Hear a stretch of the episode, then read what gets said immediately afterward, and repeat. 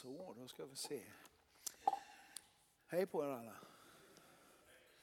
Gott att se er. När man är ny så här får man ju vara lite otrevlig och titta runt lite så här, stirra lite på er så man känner liksom att ja, jag tar in en. Hörrni, Ola Olofsson heter jag. Jag jobbar som pastor i Pinkyrkan i Varberg sedan snart 12 år. Ehm, de, det finns någon som har frågat, ska du flytta? Nej, de blir inte av med mig, säger jag. Jag har en liten annan liksom förhållningssätt till Varberg. Jag tycker att det är bra året runt. Och du har missat, jag bor lite söder om. Då ska du åka ner till Tre Toppar i läge. Dit ska du åka på sommaren. Får mycket glass i en strut och så. Ehm, jag är ehm, en gammal man. För några, förra året, vi har en pastorskonferens där, där eh, Jakob och jag brukar vara i Stockholm. Vi har precis varit där i början av januari här. Förra året var det en av ungdomspastorerna som, som jag stod och snackade med i, i, eh, i foajén där och så tittade han på mig och så sa han, ja ni äldre pastorer, är det, är det mig han pratar om? Eh, då började jag inse att när jag började som pastor för många år sedan så var det andra som jag såg upp till som jag tyckte var stofiler inom pastorskåren. De var mycket yngre då. Men jag tyckte de var gamla än vad jag är idag. Så jag får väl acceptera att jag börjar tillhöra de gamla pastorerna. Även om självbilden inte riktigt hänger med. Hörrni, jag vill gratulera er till fyra år. Tycker det är fantastiskt. Vet, vi behöver alla goda krafter för Guds församling. Vårt land behöver Jesus mer än någonsin. Varenda människa behöver Jesus mer än vad man förstår, skulle jag vilja säga. Och eh, därför så vill jag bara uppmuntra er, säga vad roligt, kör hårt. Vi vet inte när Jesus kommer men fram till dess så vill vi vara med och bygga hans rike. Eh, och kom igen, gör Jesus känd. Och att få göra Jesus känd genom ett socialt engagemang, det är inte dåligt det heller. I vår kyrka har vi ett, en vision. Jag tror att de flesta kan ställa upp bakom den, tror jag, som är något som är eh, utåtriktade. Vi, vi, vi säger att vi vill vara en öppen, varm och utåtriktad kyrka som gör människor till Jesu lärjungar. Så komplicerad är vår vision. Men sen har vi tre fokusområden, där vi säger nya människor, nästa generation och ett socialt engagemang. Det är de tre benen som vi vill stå på som församling. Och att få komma i en gemenskap som det här, där man känner bara att ja, men det här är på riktigt. Vi bygger med riktiga människor. Vi bygger med, det gör man överallt så jag vill inte liksom polemisera så. Men du förstår, det finns, ett, det finns ett hjärta hos Gud som slår för den som kanske inte är den starkaste jämt. Den som kanske inte alltid lyckas slå sig fram. Och när vi bygger Guds rike på de minst, nu tror jag inte någon människa egentligen är liten i Guds ögon. Förstår du? Men när vi, när vi bryr oss om det som samhället inte bryr sig om, då tror jag vi gör en väl gärning inför Gud. Och att se människor lyftas upp, bli någonting som Gud hade tänkt ifrån början. Eh, även om livet kan ha varit tufft. Det är bland de största välsignelserna vi kan ha som, som kristna. Idag skulle jag vilja tala till dig lite om himmelriket. Och när man säger himmelriket så är det, är det lätt att man fastnar i liksom, ja, himlen, ni vet det som, det som är där borta det som är lite svårt att greppa, kanske vi vet inte riktigt hur det ser ut. Men du vet, när Bibeln talar om himmelriket så är det inte bara där borta. Utan Jesus säger ju att vi ska bygga Guds rike tillsammans med honom. Och att himmelriket är närvarande. Vad handlar himmelriket om då? Ehm, himmelriket eller Guds rike står ju Det handlar ju egentligen om vem som sitter på tronen. Vi har, eh, har kungariket Sverige. Nu är ju vår kung mer en sån här eh, trevlig representant för Sverige. Men om du ser tillbaka i tiden så var ju det faktiskt regenten. Och det som det handlar om, Guds rike, det handlar om vem som är regent. Vem som sitter på tronen. I ditt och mitt liv först och främst faktiskt. Och där han sitter på tronen, där är hans rike. Ehm, man kan ju ställa sig frågan, vad har tron, eller tron på Jesus med himmelriket att göra? Det har allt med det att göra. När Jesus vandrade på jorden så talar han ofta om himmelriket. Han till och med bad sina lärjungar när han sände ut dem för att liksom bereda marken för honom. Så sa han till dem att gå till den, den staden och så ska ni göra så här. Ni ska bota sjuka, ni ska driva ut demoner och ni ska tala om för dem att himmelriket är nära. Så egentligen så har allt det med himmelriket med Jesus att göra. I Uppenbarelseboken står det att en dag kommer han med snajsiga byxor. Där det står konungarnas konung och herrarnas herre. Det står att det är skrivet på sidan på honom. Konungarnas konung och herrarnas herre. Du vet, himmelriket det är den platsen där Guds vilja sker. Det är faktiskt en plats där orenhet och synd inte riktigt får plats. Därför hans helighet trycker det som är orenhet ut ifrån den platsen där han finns. Ehm, synden och orenheten får ge vika för hans nåd och barmhärtighet. Himmelriket är där Gud är. Och när det gäller våra liv så är himmelriket där vi låter Gud få vara i våra liv. Där vi låter hans vilja få bli uppenbarad i våra liv. Vad låter du Gud husera i ditt liv någonstans? Är det så att ja, men de här och de här och de här sakerna Gud, i det här området, du vet jag, jag går ju på gudstjänst någon gång då och då, eh, förhoppningsvis varje vecka. Och ehm, sen ehm, är det några andra områden som jag behöver ha din hjälp. Där kan du få, där kan du få husera. Men du vet de här grejerna, de fixar jag själv så de behöver du inte bry dig om. Du har ju egentligen inte himmelriket full tillgång. Du vet, frågan är hur jag kan få, det och få tag i detta rike och låta det förvandla mitt liv. Jag vill ta med dig till Jesu egna berättelse om himmelriket i Matteus 13. Där står det en, många liknelser i just kapitel 13. Men jag ska bara stanna upp vid några av de liknelserna. Matteus 13 och 31 och 32 står det talas om senapskornet. Himmelriket är som ett senapskorn som en man tar och sår i sin åker. Det är det minsta av alla frön, men när det har växt upp är det störst av alla köksväxter och blir till ett träd så att himlens fåglar kommer och bygger bo bland grenarna.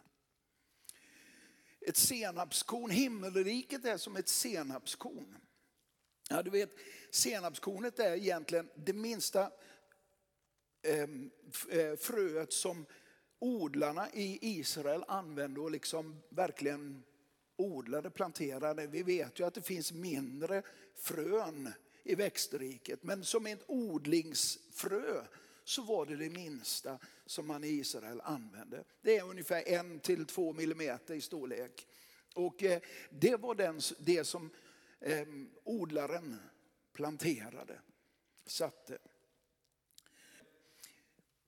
Det är ganska litet obetydligt, ser ganska litet obetydligt ut. Men väl planterat i god jord så växer det upp och blir en plats till välsignelse för andra. Det är ju det som Jesus säger. Eh, det här en, en till två millimeters kornet kan faktiskt växa upp i full, när det är fullt utväxt så är det, kan det bli en växt som är upp till tre meter i höjd. Fantastiskt ifrån detta lilla, lilla till ett, en, en, ja, Jesus säger det blir som, som ett träd. Det växer upp och blir stort. Jesus hade i, den här, i det här sammanhanget precis talat om liknelsen om den som gick ut och sådde. Där det står att en del hamnade på vägen, andra hamnade i grund jord. Andra hamnade bland tistlar och törner och ogräs. Men något utav, eller några av eh, fröna, eller ja, kornen, hamnade i den goda jorden. Du vet, Jesus han vet vad som händer med en tro när den tas emot i en god jord.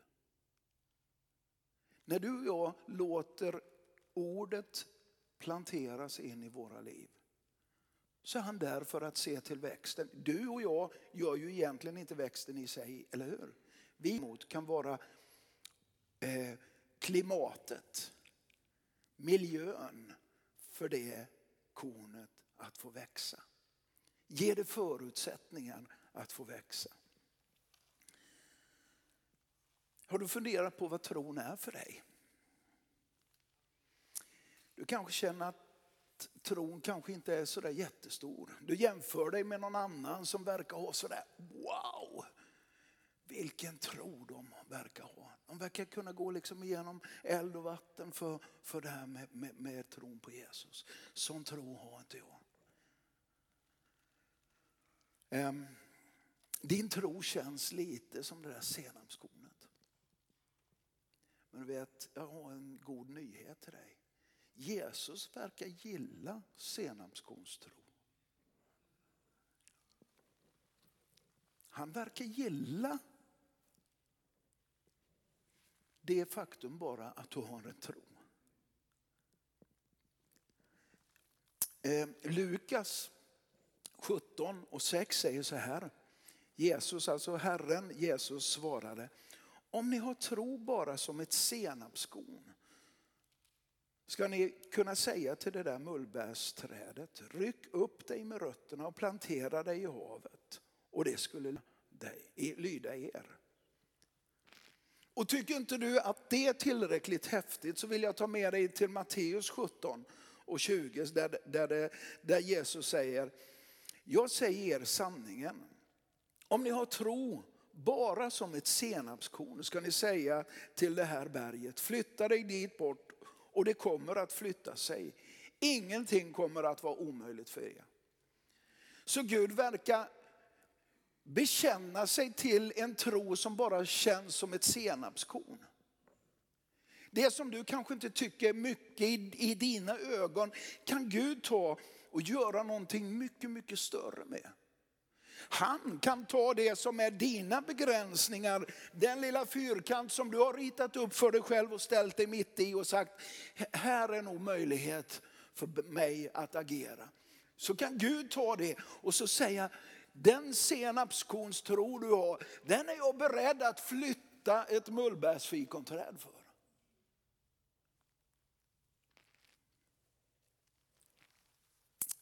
Du vet, den lilla tro du har är inte i proportion till det som du klarar av. Utan det är på grund av kopplingen till honom som är med och har skapat den här världen. Är med och är alfa och omega, den som är början och slutet, han som förmår, han som är allsmäktig. Det är ju därför som din lilla senapskornstro kan förändra hela din omgivning. Universums skapare är föremålet för din tro. Och han är inte beroende av i första hand hur stor tro du är. Jag vet att Bibeln ibland talar om att det, det, Jesus han skäller lite på lärjungarna och säger att ja, ni har lite för dålig tro där, eller för liten tro. Så visst kan det påverka min förväntan på vem, vad han ska göra. Tron skapar ju förväntan i mitt liv, så visst. Men det är inte på grund av min storlek av tro som Gud agerar eller har kraft att agera. Utan det är därför att han är den allsmäktige. Du vet en senapskorns tro är måhända liten men om du låter skapelsens Herre få göra sitt verk så kommer det att växa och bli till välsignelse, inte för dig själv utan för andra runt omkring. Det står att han planterade det där senapskorns stora fröet och så växer det upp och till och med himmelens fåglar har möjlighet att bygga bo i det. Det vill säga det finns en välsignelseplats helt plötsligt för andra än bara kornet själv. Jesus fortsätter i det här sammanhanget i Matteus 13. Och eh, I vers 33 så säger han så här, ännu en, lik, en liknelse gav han dem. Himmelriket är som en surdeg som en kvinna tar och blandar in i tre mått mjöl tills allt sammans blir syrat. Jag kommer till det här, det ser ju ganska litet ut om du tänker på om du bakar bröd hemma. Jag, jag gör det någon gång ibland. Och då har man kanske en halv liter eh, vätska och så gör man, gör man bröd utav det. Vet, I vårt land så har kristna, troende människor och även andra faktiskt påverkats att tro att en tro på Gud är oväsentlig. Kyrkan, troende människor det är någonting som är liksom som någon slags blindtarm i eh, samhällskroppen. Det är ganska obetydligt. Och man kan egentligen, de kan få finnas, men man kan lika väl knippa bort den och så överlever man ändå. Men det är en helt fel tro på vem, vem, vad, vad kyrkan eller de troende faktiskt betyder i detta vårt land. Eh, Jesus slår hål på det i den här liknelsen. Himmelriket är som en surdeg, säger han. Du vet, man tar inga jättemängder surdeg om man ska syra ett bröd när man ska baka det. Man tar ganska lite. Men om du tar det och arbetar in det i degen, låter det ältas i, i, i deg, degkastrullen, höll jag på att säga, men i degbunken och, och låter det blandas in så kommer hela degen att bli påverkad. Himmelriket som Jesus talar om är det som vi har fått nedlagt i våra inre. Där du finns på din arbetsplats, där du finns bland dina vänner, där du finns bland dina skolkamrater, där du finns i ditt vardagsliv. Ställt dig för att få vara surdegen. Och då menar jag inte att du ska gå omkring och se sån här ut. Utan du ska vara surdegen på ett positivt sätt. Det vill säga du ska syra igenom det som är runt omkring dig. Påverka det som är runt omkring dig för att det ska bli det som var tänkt ifrån början. Du vet, i det här sammanhanget står det att kvinnan tar tre mått mjöl. Det, det ordet som används är, är seamått. Tre, mått sea, eh, tre seamått, det är 36 liter mjöl. 36 liter mjöl. Alltså jag har när jag bakar ungefär en och en halv liter mjöl till en halv liter vätska. Ungefär.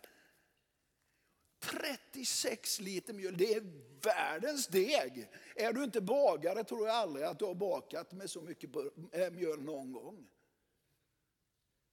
Och det säger Jesus, du tar en, en, en surdeg och så, och så bearbetar du in detta i denna enorma deg. Och till slut kommer det att syras igenom. Ditt liv, om du bär på en tro på Jesus Kristus, är inte väsentlig för himmelriket. Du betyder massor för Jesus där du går fram. För hans rike, för hans rättfärdighet, för hans goda vilja för det här samhället som vi faktiskt är satta att betjäna.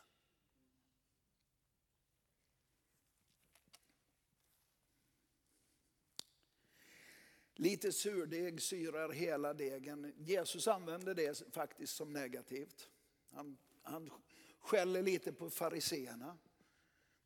Eh, gnäller lite på deras lära och tycker att när de håller på med sin surdeg så förpestar de samhället. Men jag tolkar den här berättelsen om himmelriket, att Gud faktiskt har en annan vilja. Jag tolkar det positivt i den, i den här liknelsen. Att Jesus säger, men det finns en positiv sida också. För den som vill leva nära mig kommer alltid att vara stör, ha större påverkan på sin omgivning än vad man tror att man har. Vi har en kvinna, vi hade en sån här julkonsert i, i, i vår kyrka här i andra, andra advent. Och då hade hon tagit med en affisch och satt upp i sitt soprum. Ett ställe att sätta upp en affisch kan jag tycka. Men hon tänkte väl så här att ja, men ett soprum, dit går ju alla. Förr eller senare, skräp får vi alltid, så till soprummet går ju alla. Och där hade hon satt upp. Fyra familjer i hennes hus kom på vår, eller på vår eh, ja, konsert eller gudstjänst.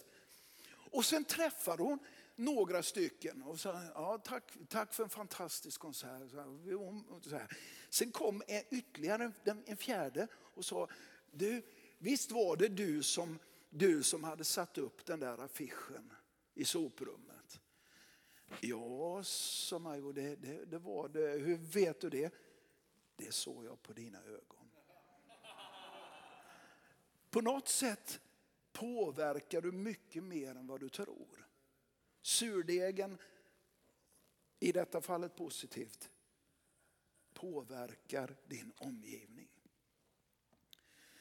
För mig är också den här, den här eh, liknelsen en uppmaning att låta mig påverkas helt, genom att, eller helt igenom av Guds nåd i mitt liv. Det står att kvinnan arbetar in surdegen i degen. Jag tror att det också handlar om ditt och mitt liv. Att låta Gud få faktiskt bearbeta oss. Vi är ju inte bara kallade till att bli frälsta utan vi är kallade till att bli lärjungar. Att bli efterföljare. Att bli de som speglar vem Jesus är. Så därför brukar jag, brukar jag eh, ställa frågan, ber du? Låter du, ord, eller låter du din gemenskap med Gud få syra ditt liv? Läser du ditt ord eller Ja, jag börjar bli så, så modern så jag eh, lyssnar på Bibeln nu. Nej, det, jag, jag, kanske är det för att jag är för lat för att läsa just nu. Jag, läs, jag läser detta också, men, men, jag, men, i min dagliga läsning så har jag sett ibland när jag tycker att jag inte har riktigt koncentrationen att sitta still, så lyssnar jag på Guds ord. Och så får jag med mig det under dagen, det påverkar mig faktiskt jättemycket. Men sen vet jag att läser du också så blir det ännu bättre. Låter du dig påverkas av Jakobs undervisning? Marineras du i Guds gemenskap?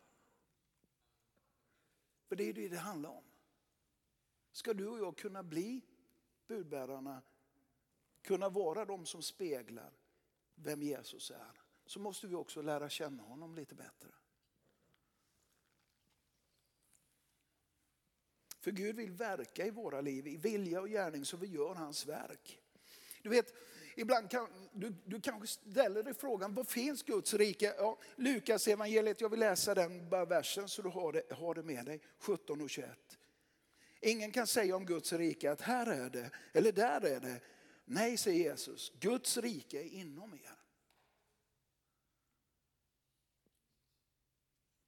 Guds rike där han får sitta på din tronplats.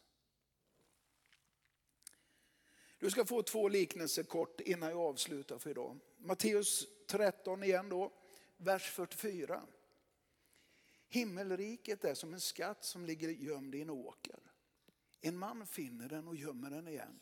Och sin glädje går han och säljer allt han äger och köper den åkern. Jag vet inte hur du kom hit idag, jag ramlade in i, i gudstjänsten här idag. Kanske är du en, en, en av dem som bara råkade ramla in. Någon som kanske bad, ska du inte hänga med in? Ehm, du blev bara inbjuden och så fanns du här och av olika anledningar så sitter du här. Och kanske är det så att tron på Gud inte är någonting som du har reflekterat så mycket över. Men idag har du fått smak lite på vad det är. Så tolkar jag lite utav den här, den här liknelsen. Det finns en, är någon som är ute och arbetar, klunk så är det någonting som ligger i åkern. Wow! Kan man fråga sig hur, hur, hur rekorderlig man är om man kör på en stor skatt och så går och säljer allt och köper den för att ta den. Men vi tolkar det positivt. Här är det någon som hittar någonting och som pang, det här ska jag ha. Det här ska jag ha. Så är det med himmelriket att du kanske inte har tänkt alls på det här med vem Gud är. Och helt plötsligt så står han där framför dig och så säger ja just det, det är ju det här jag ska ha. Ja just det, jag har, jag har flera berättelser på människor som har kommit till, till tro på det viset. Där, där man egentligen bara träffade någon och man, hade, man var inte förberedd på det. Och helt plötsligt så är det någon som berättar om vem Jesus är. Och så bara, det där ska jag ha. Det där ska jag ha. Om det är det som du säger, då ska jag ha det. Man tar tillfället när någon bjuder.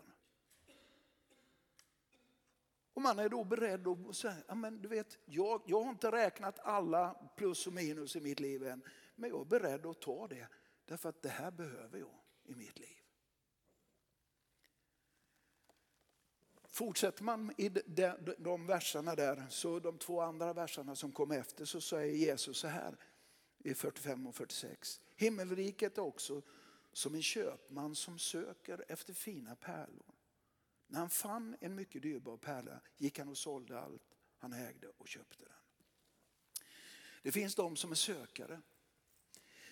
Tillbaka bara 5-10 år, ja, 5-10-15 år, så var ju egentligen det finaste du kunde vara i Sverige, verkar det som, sökare. Ja, men när, när både kändisar och eh, semikändisar och subkändisar eh, skulle uttala sig om det här med, man ställde deras eh, eh livsval och lite så här, tror du på Gud? Så här, nej, jag är sökare. Och det lät ju jättefint. Sökare, ja. Och det är okej okay att vara sökare ända tills man är så ärlig så när man finner så man kan faktiskt säga, nej men nu söker jag inte längre för nu har jag funnit. Någon gång, ibland måste vi vara så ärliga mot oss själva och säga, ja men det verkar faktiskt som det här är det jag söker. Um, mannen i liknelsen verkar ju vara en sökare. Han, han led, han söker står det ju va. Himmelriket är också som en köpman som sökte efter fina pärlor. Kanske är du här idag som har sökt efter mening och mål i ditt liv. Och då skulle jag vilja erbjuda en pärla som är värd att ge sitt liv för. Du vet att en pärla är, ju något som växt fram i mussla. En sandkorn som kommer in och så för att skydda sig så, så kapslar eh, musslan in det här lilla sandkornet till att eh, bli en fin pärla för att inte skava. Men vet, frälsningen är den pärlan. Du vet, i, frälsningen i Jesus är ju kommen ur hans smärta på korset för dig. Han var den som fick lida för att pärlan skulle bli den dyrbara pärlan. Tron på, tron på Gud, tron på Jesus är positiv för hela ditt liv. Det tror jag. Jag har sett det. I vår verksamhet, vi har en ganska stor social verksamhet i vår, vår församling. Och en av de killarna som förestår vår LP-kontakt idag i, i Varberg, han är, det är, jag ska inte säga för mycket, fem år sedan han blev frälst. Kommer från ett liv i missbruk och upp och, ner, upp och nervända världen. Och se vad tron gör i hans liv. Han är gift sedan ett par år tillbaka och har en liten underbar dotter. Väntar en tillökning här framöver. Igen för nummer två. Han, han står som... Eh, ja, I början så gick han liksom inte att ha i, i verksamheten några, några längre stunder för han var tvungen att ut och liksom rasta av sig för att han liksom skulle klara av det. Och så står han där idag och leder med andra människor fram till Jesus Kristus. Du vet vad tron gör i en människas liv? Det är fantastiskt. Tron kan förändra hela ditt liv. Men du vet, det är inte bara för ett bättre liv i allmänhet som du ska ta emot Jesus. Romarbrevet 14 och 17 säger Guds rike är inte mat och dryck, det vill säga allt det som du behöver för dagen, utan rättfärdighet, frid och glädje i den helige Ande. Det finns något djupare i tron som Gud är beredd att ge dig, som skapar förutsättningar för annat i ditt liv. Han som in, kristen som, som in, inte hade ett öre kvar, helt plötsligt så välsignar Gud honom. Han, han får, har ordnat upp sitt liv. Men det är först och främst när han själv ger sitt vittnesbörd. Jag hörde det senast i, i eh, fredags här. Så berättade han om den friden som Gud har gett. Han hade alla möjliga hjälpmedel för att klara livet. ADHD-medicinerna var det sista som han hade. Men han tyckte att det trubbar av hans hjärna så mycket så att han vet en, en, och jag säger inte att det är dåligt, lyssna nu, jag säger inte att det är dåligt. Behöver man använda det för att få ett fungerande liv så menar jag att det inte är dåligt. Men han kände det, jag, jag vill inte ha detta. Och han gjorde en deal med Herren och idag funkar han. Därför att Gud har gjort någonting. Han gav honom friden som han inte kunde få någon annanstans. Guds rike är inte mat och dryck utan rättfärdighet och frid och glädje i den helige Ande. Detta är något som ligger djupare än ett smile i facet. Eller, även om det blir ofta en effekt. Man har sett människor som har varit bedrövade och så möter man Jesus och så bara wow.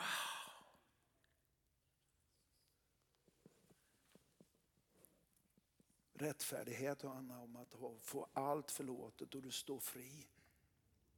Både inför dig själv och inför honom. Idag skulle jag vilja avsluta med att säga jag vill inbjuda dig, om du inte har fått tag i skatten så vill jag inbjuda dig att ta tag i skatten. Skaffa den här pärlan som Jesus talar om. En tro som kommer genom att vi bekänner vårt beroende av Jesus i våra liv. Och kanske har du en tro men du känner att du har glidit undan ifrån som, som du har burit och gemenskapen med honom har, har, har svalnat. Så skulle jag också vilja inbjuda dig till att be en bön tillsammans med mig. Be en bön om att Jesus ska få komma nära. Att Jesus ska få återigen låt oss se den kostbara pärlan som vi har i våra liv. Den dyrbara pärlan. Så ska vi böja våra huvuden i bön och så vill jag bara erbjuda ganska enkelt, bara säga, om du känner att du har behov av Jesus idag. Antingen att du inte har lärt känna Jesus innan, men du vill lära känna honom idag. Så vill jag be tillsammans med dig. Och om du är här som har vandrat tillsammans med Jesus en tid men känner jag börjar tappa det här och vill ha ny kraft i ditt liv så vill jag vara med och be tillsammans med dig. Ska vi böja huvuden och så bara säga, du som vill att jag, vi ska be tillsammans du och jag. Du räcker bara din hand så ska vi be tillsammans. Så ska Gud välsigna dig. Gud ska göra någonting i ditt liv. Gud ska återuppliva det som finns och han vill ge dig utav sig själv. Och har du inte tagit emot Jesus? Detta är rågen. Detta är skatten i åken. Vill du vara med och be? Räcker du din hand så ska vi be tillsammans med dig. Gud välsigna dig. Gud välsigna dig. Gud välsigna dig. Gud välsigna dig. Är det någon mer som vill att vi ska be tillsammans med dig? Jesus Kristus. Tack Jesus, Jesus. Tack Jesus. Du vet, jag upplever att den heliga Ande är här för att göra någonting i ditt liv som du inte har förväntat dig. Där, där han vill uppenbara vem han är. Inte efter dina egna eh, tankar utan han vill komma och uppenbara sig själv inför dig. Och Gud ska göra det i ditt liv. Herre Jesus, jag tackar dig för att du är mästaren från Golgata, Herre. Du är den som tog med allt bröte upp på Golgata. Lät det spikas fast på ett kors, Herre. Inte därför att du hade skräpet med dig, utan du tog vårt, Herre. Tack för livet i dig, Herre. Tack för att du är den dyrbara pärlan i våra liv, Herre. Tack för att du är skatten, Herre, som vi har funnit, Herre. Tack för att du är den som låter våra liv få växa lik senapskornen. Få vara, låta våra liv få vara det som genomsyrar hela det sammanhang där vi finns. Därför att vi bär med oss himmelriket i våra liv. Herre. Tack Jesus för att du vill vara med den som har räckt sin hand idag Herre. Och jag vill räcka min hand tillsammans med dem Herre Jesus. Kom och låt din kraft Herre verka nytt liv i våra liv. Herre. Verka förvandling, verka uppmuntran, Herre, verka kraft, verka liv, Herre. Tack för att det finns frid och det finns glädje hos dig, Herre. Och Jesus, du kan förvandla dödsskuggans dal till den platsen där din, ditt ansikte sol lyser, Herre. Tack Jesus för att du vill vara med oss så.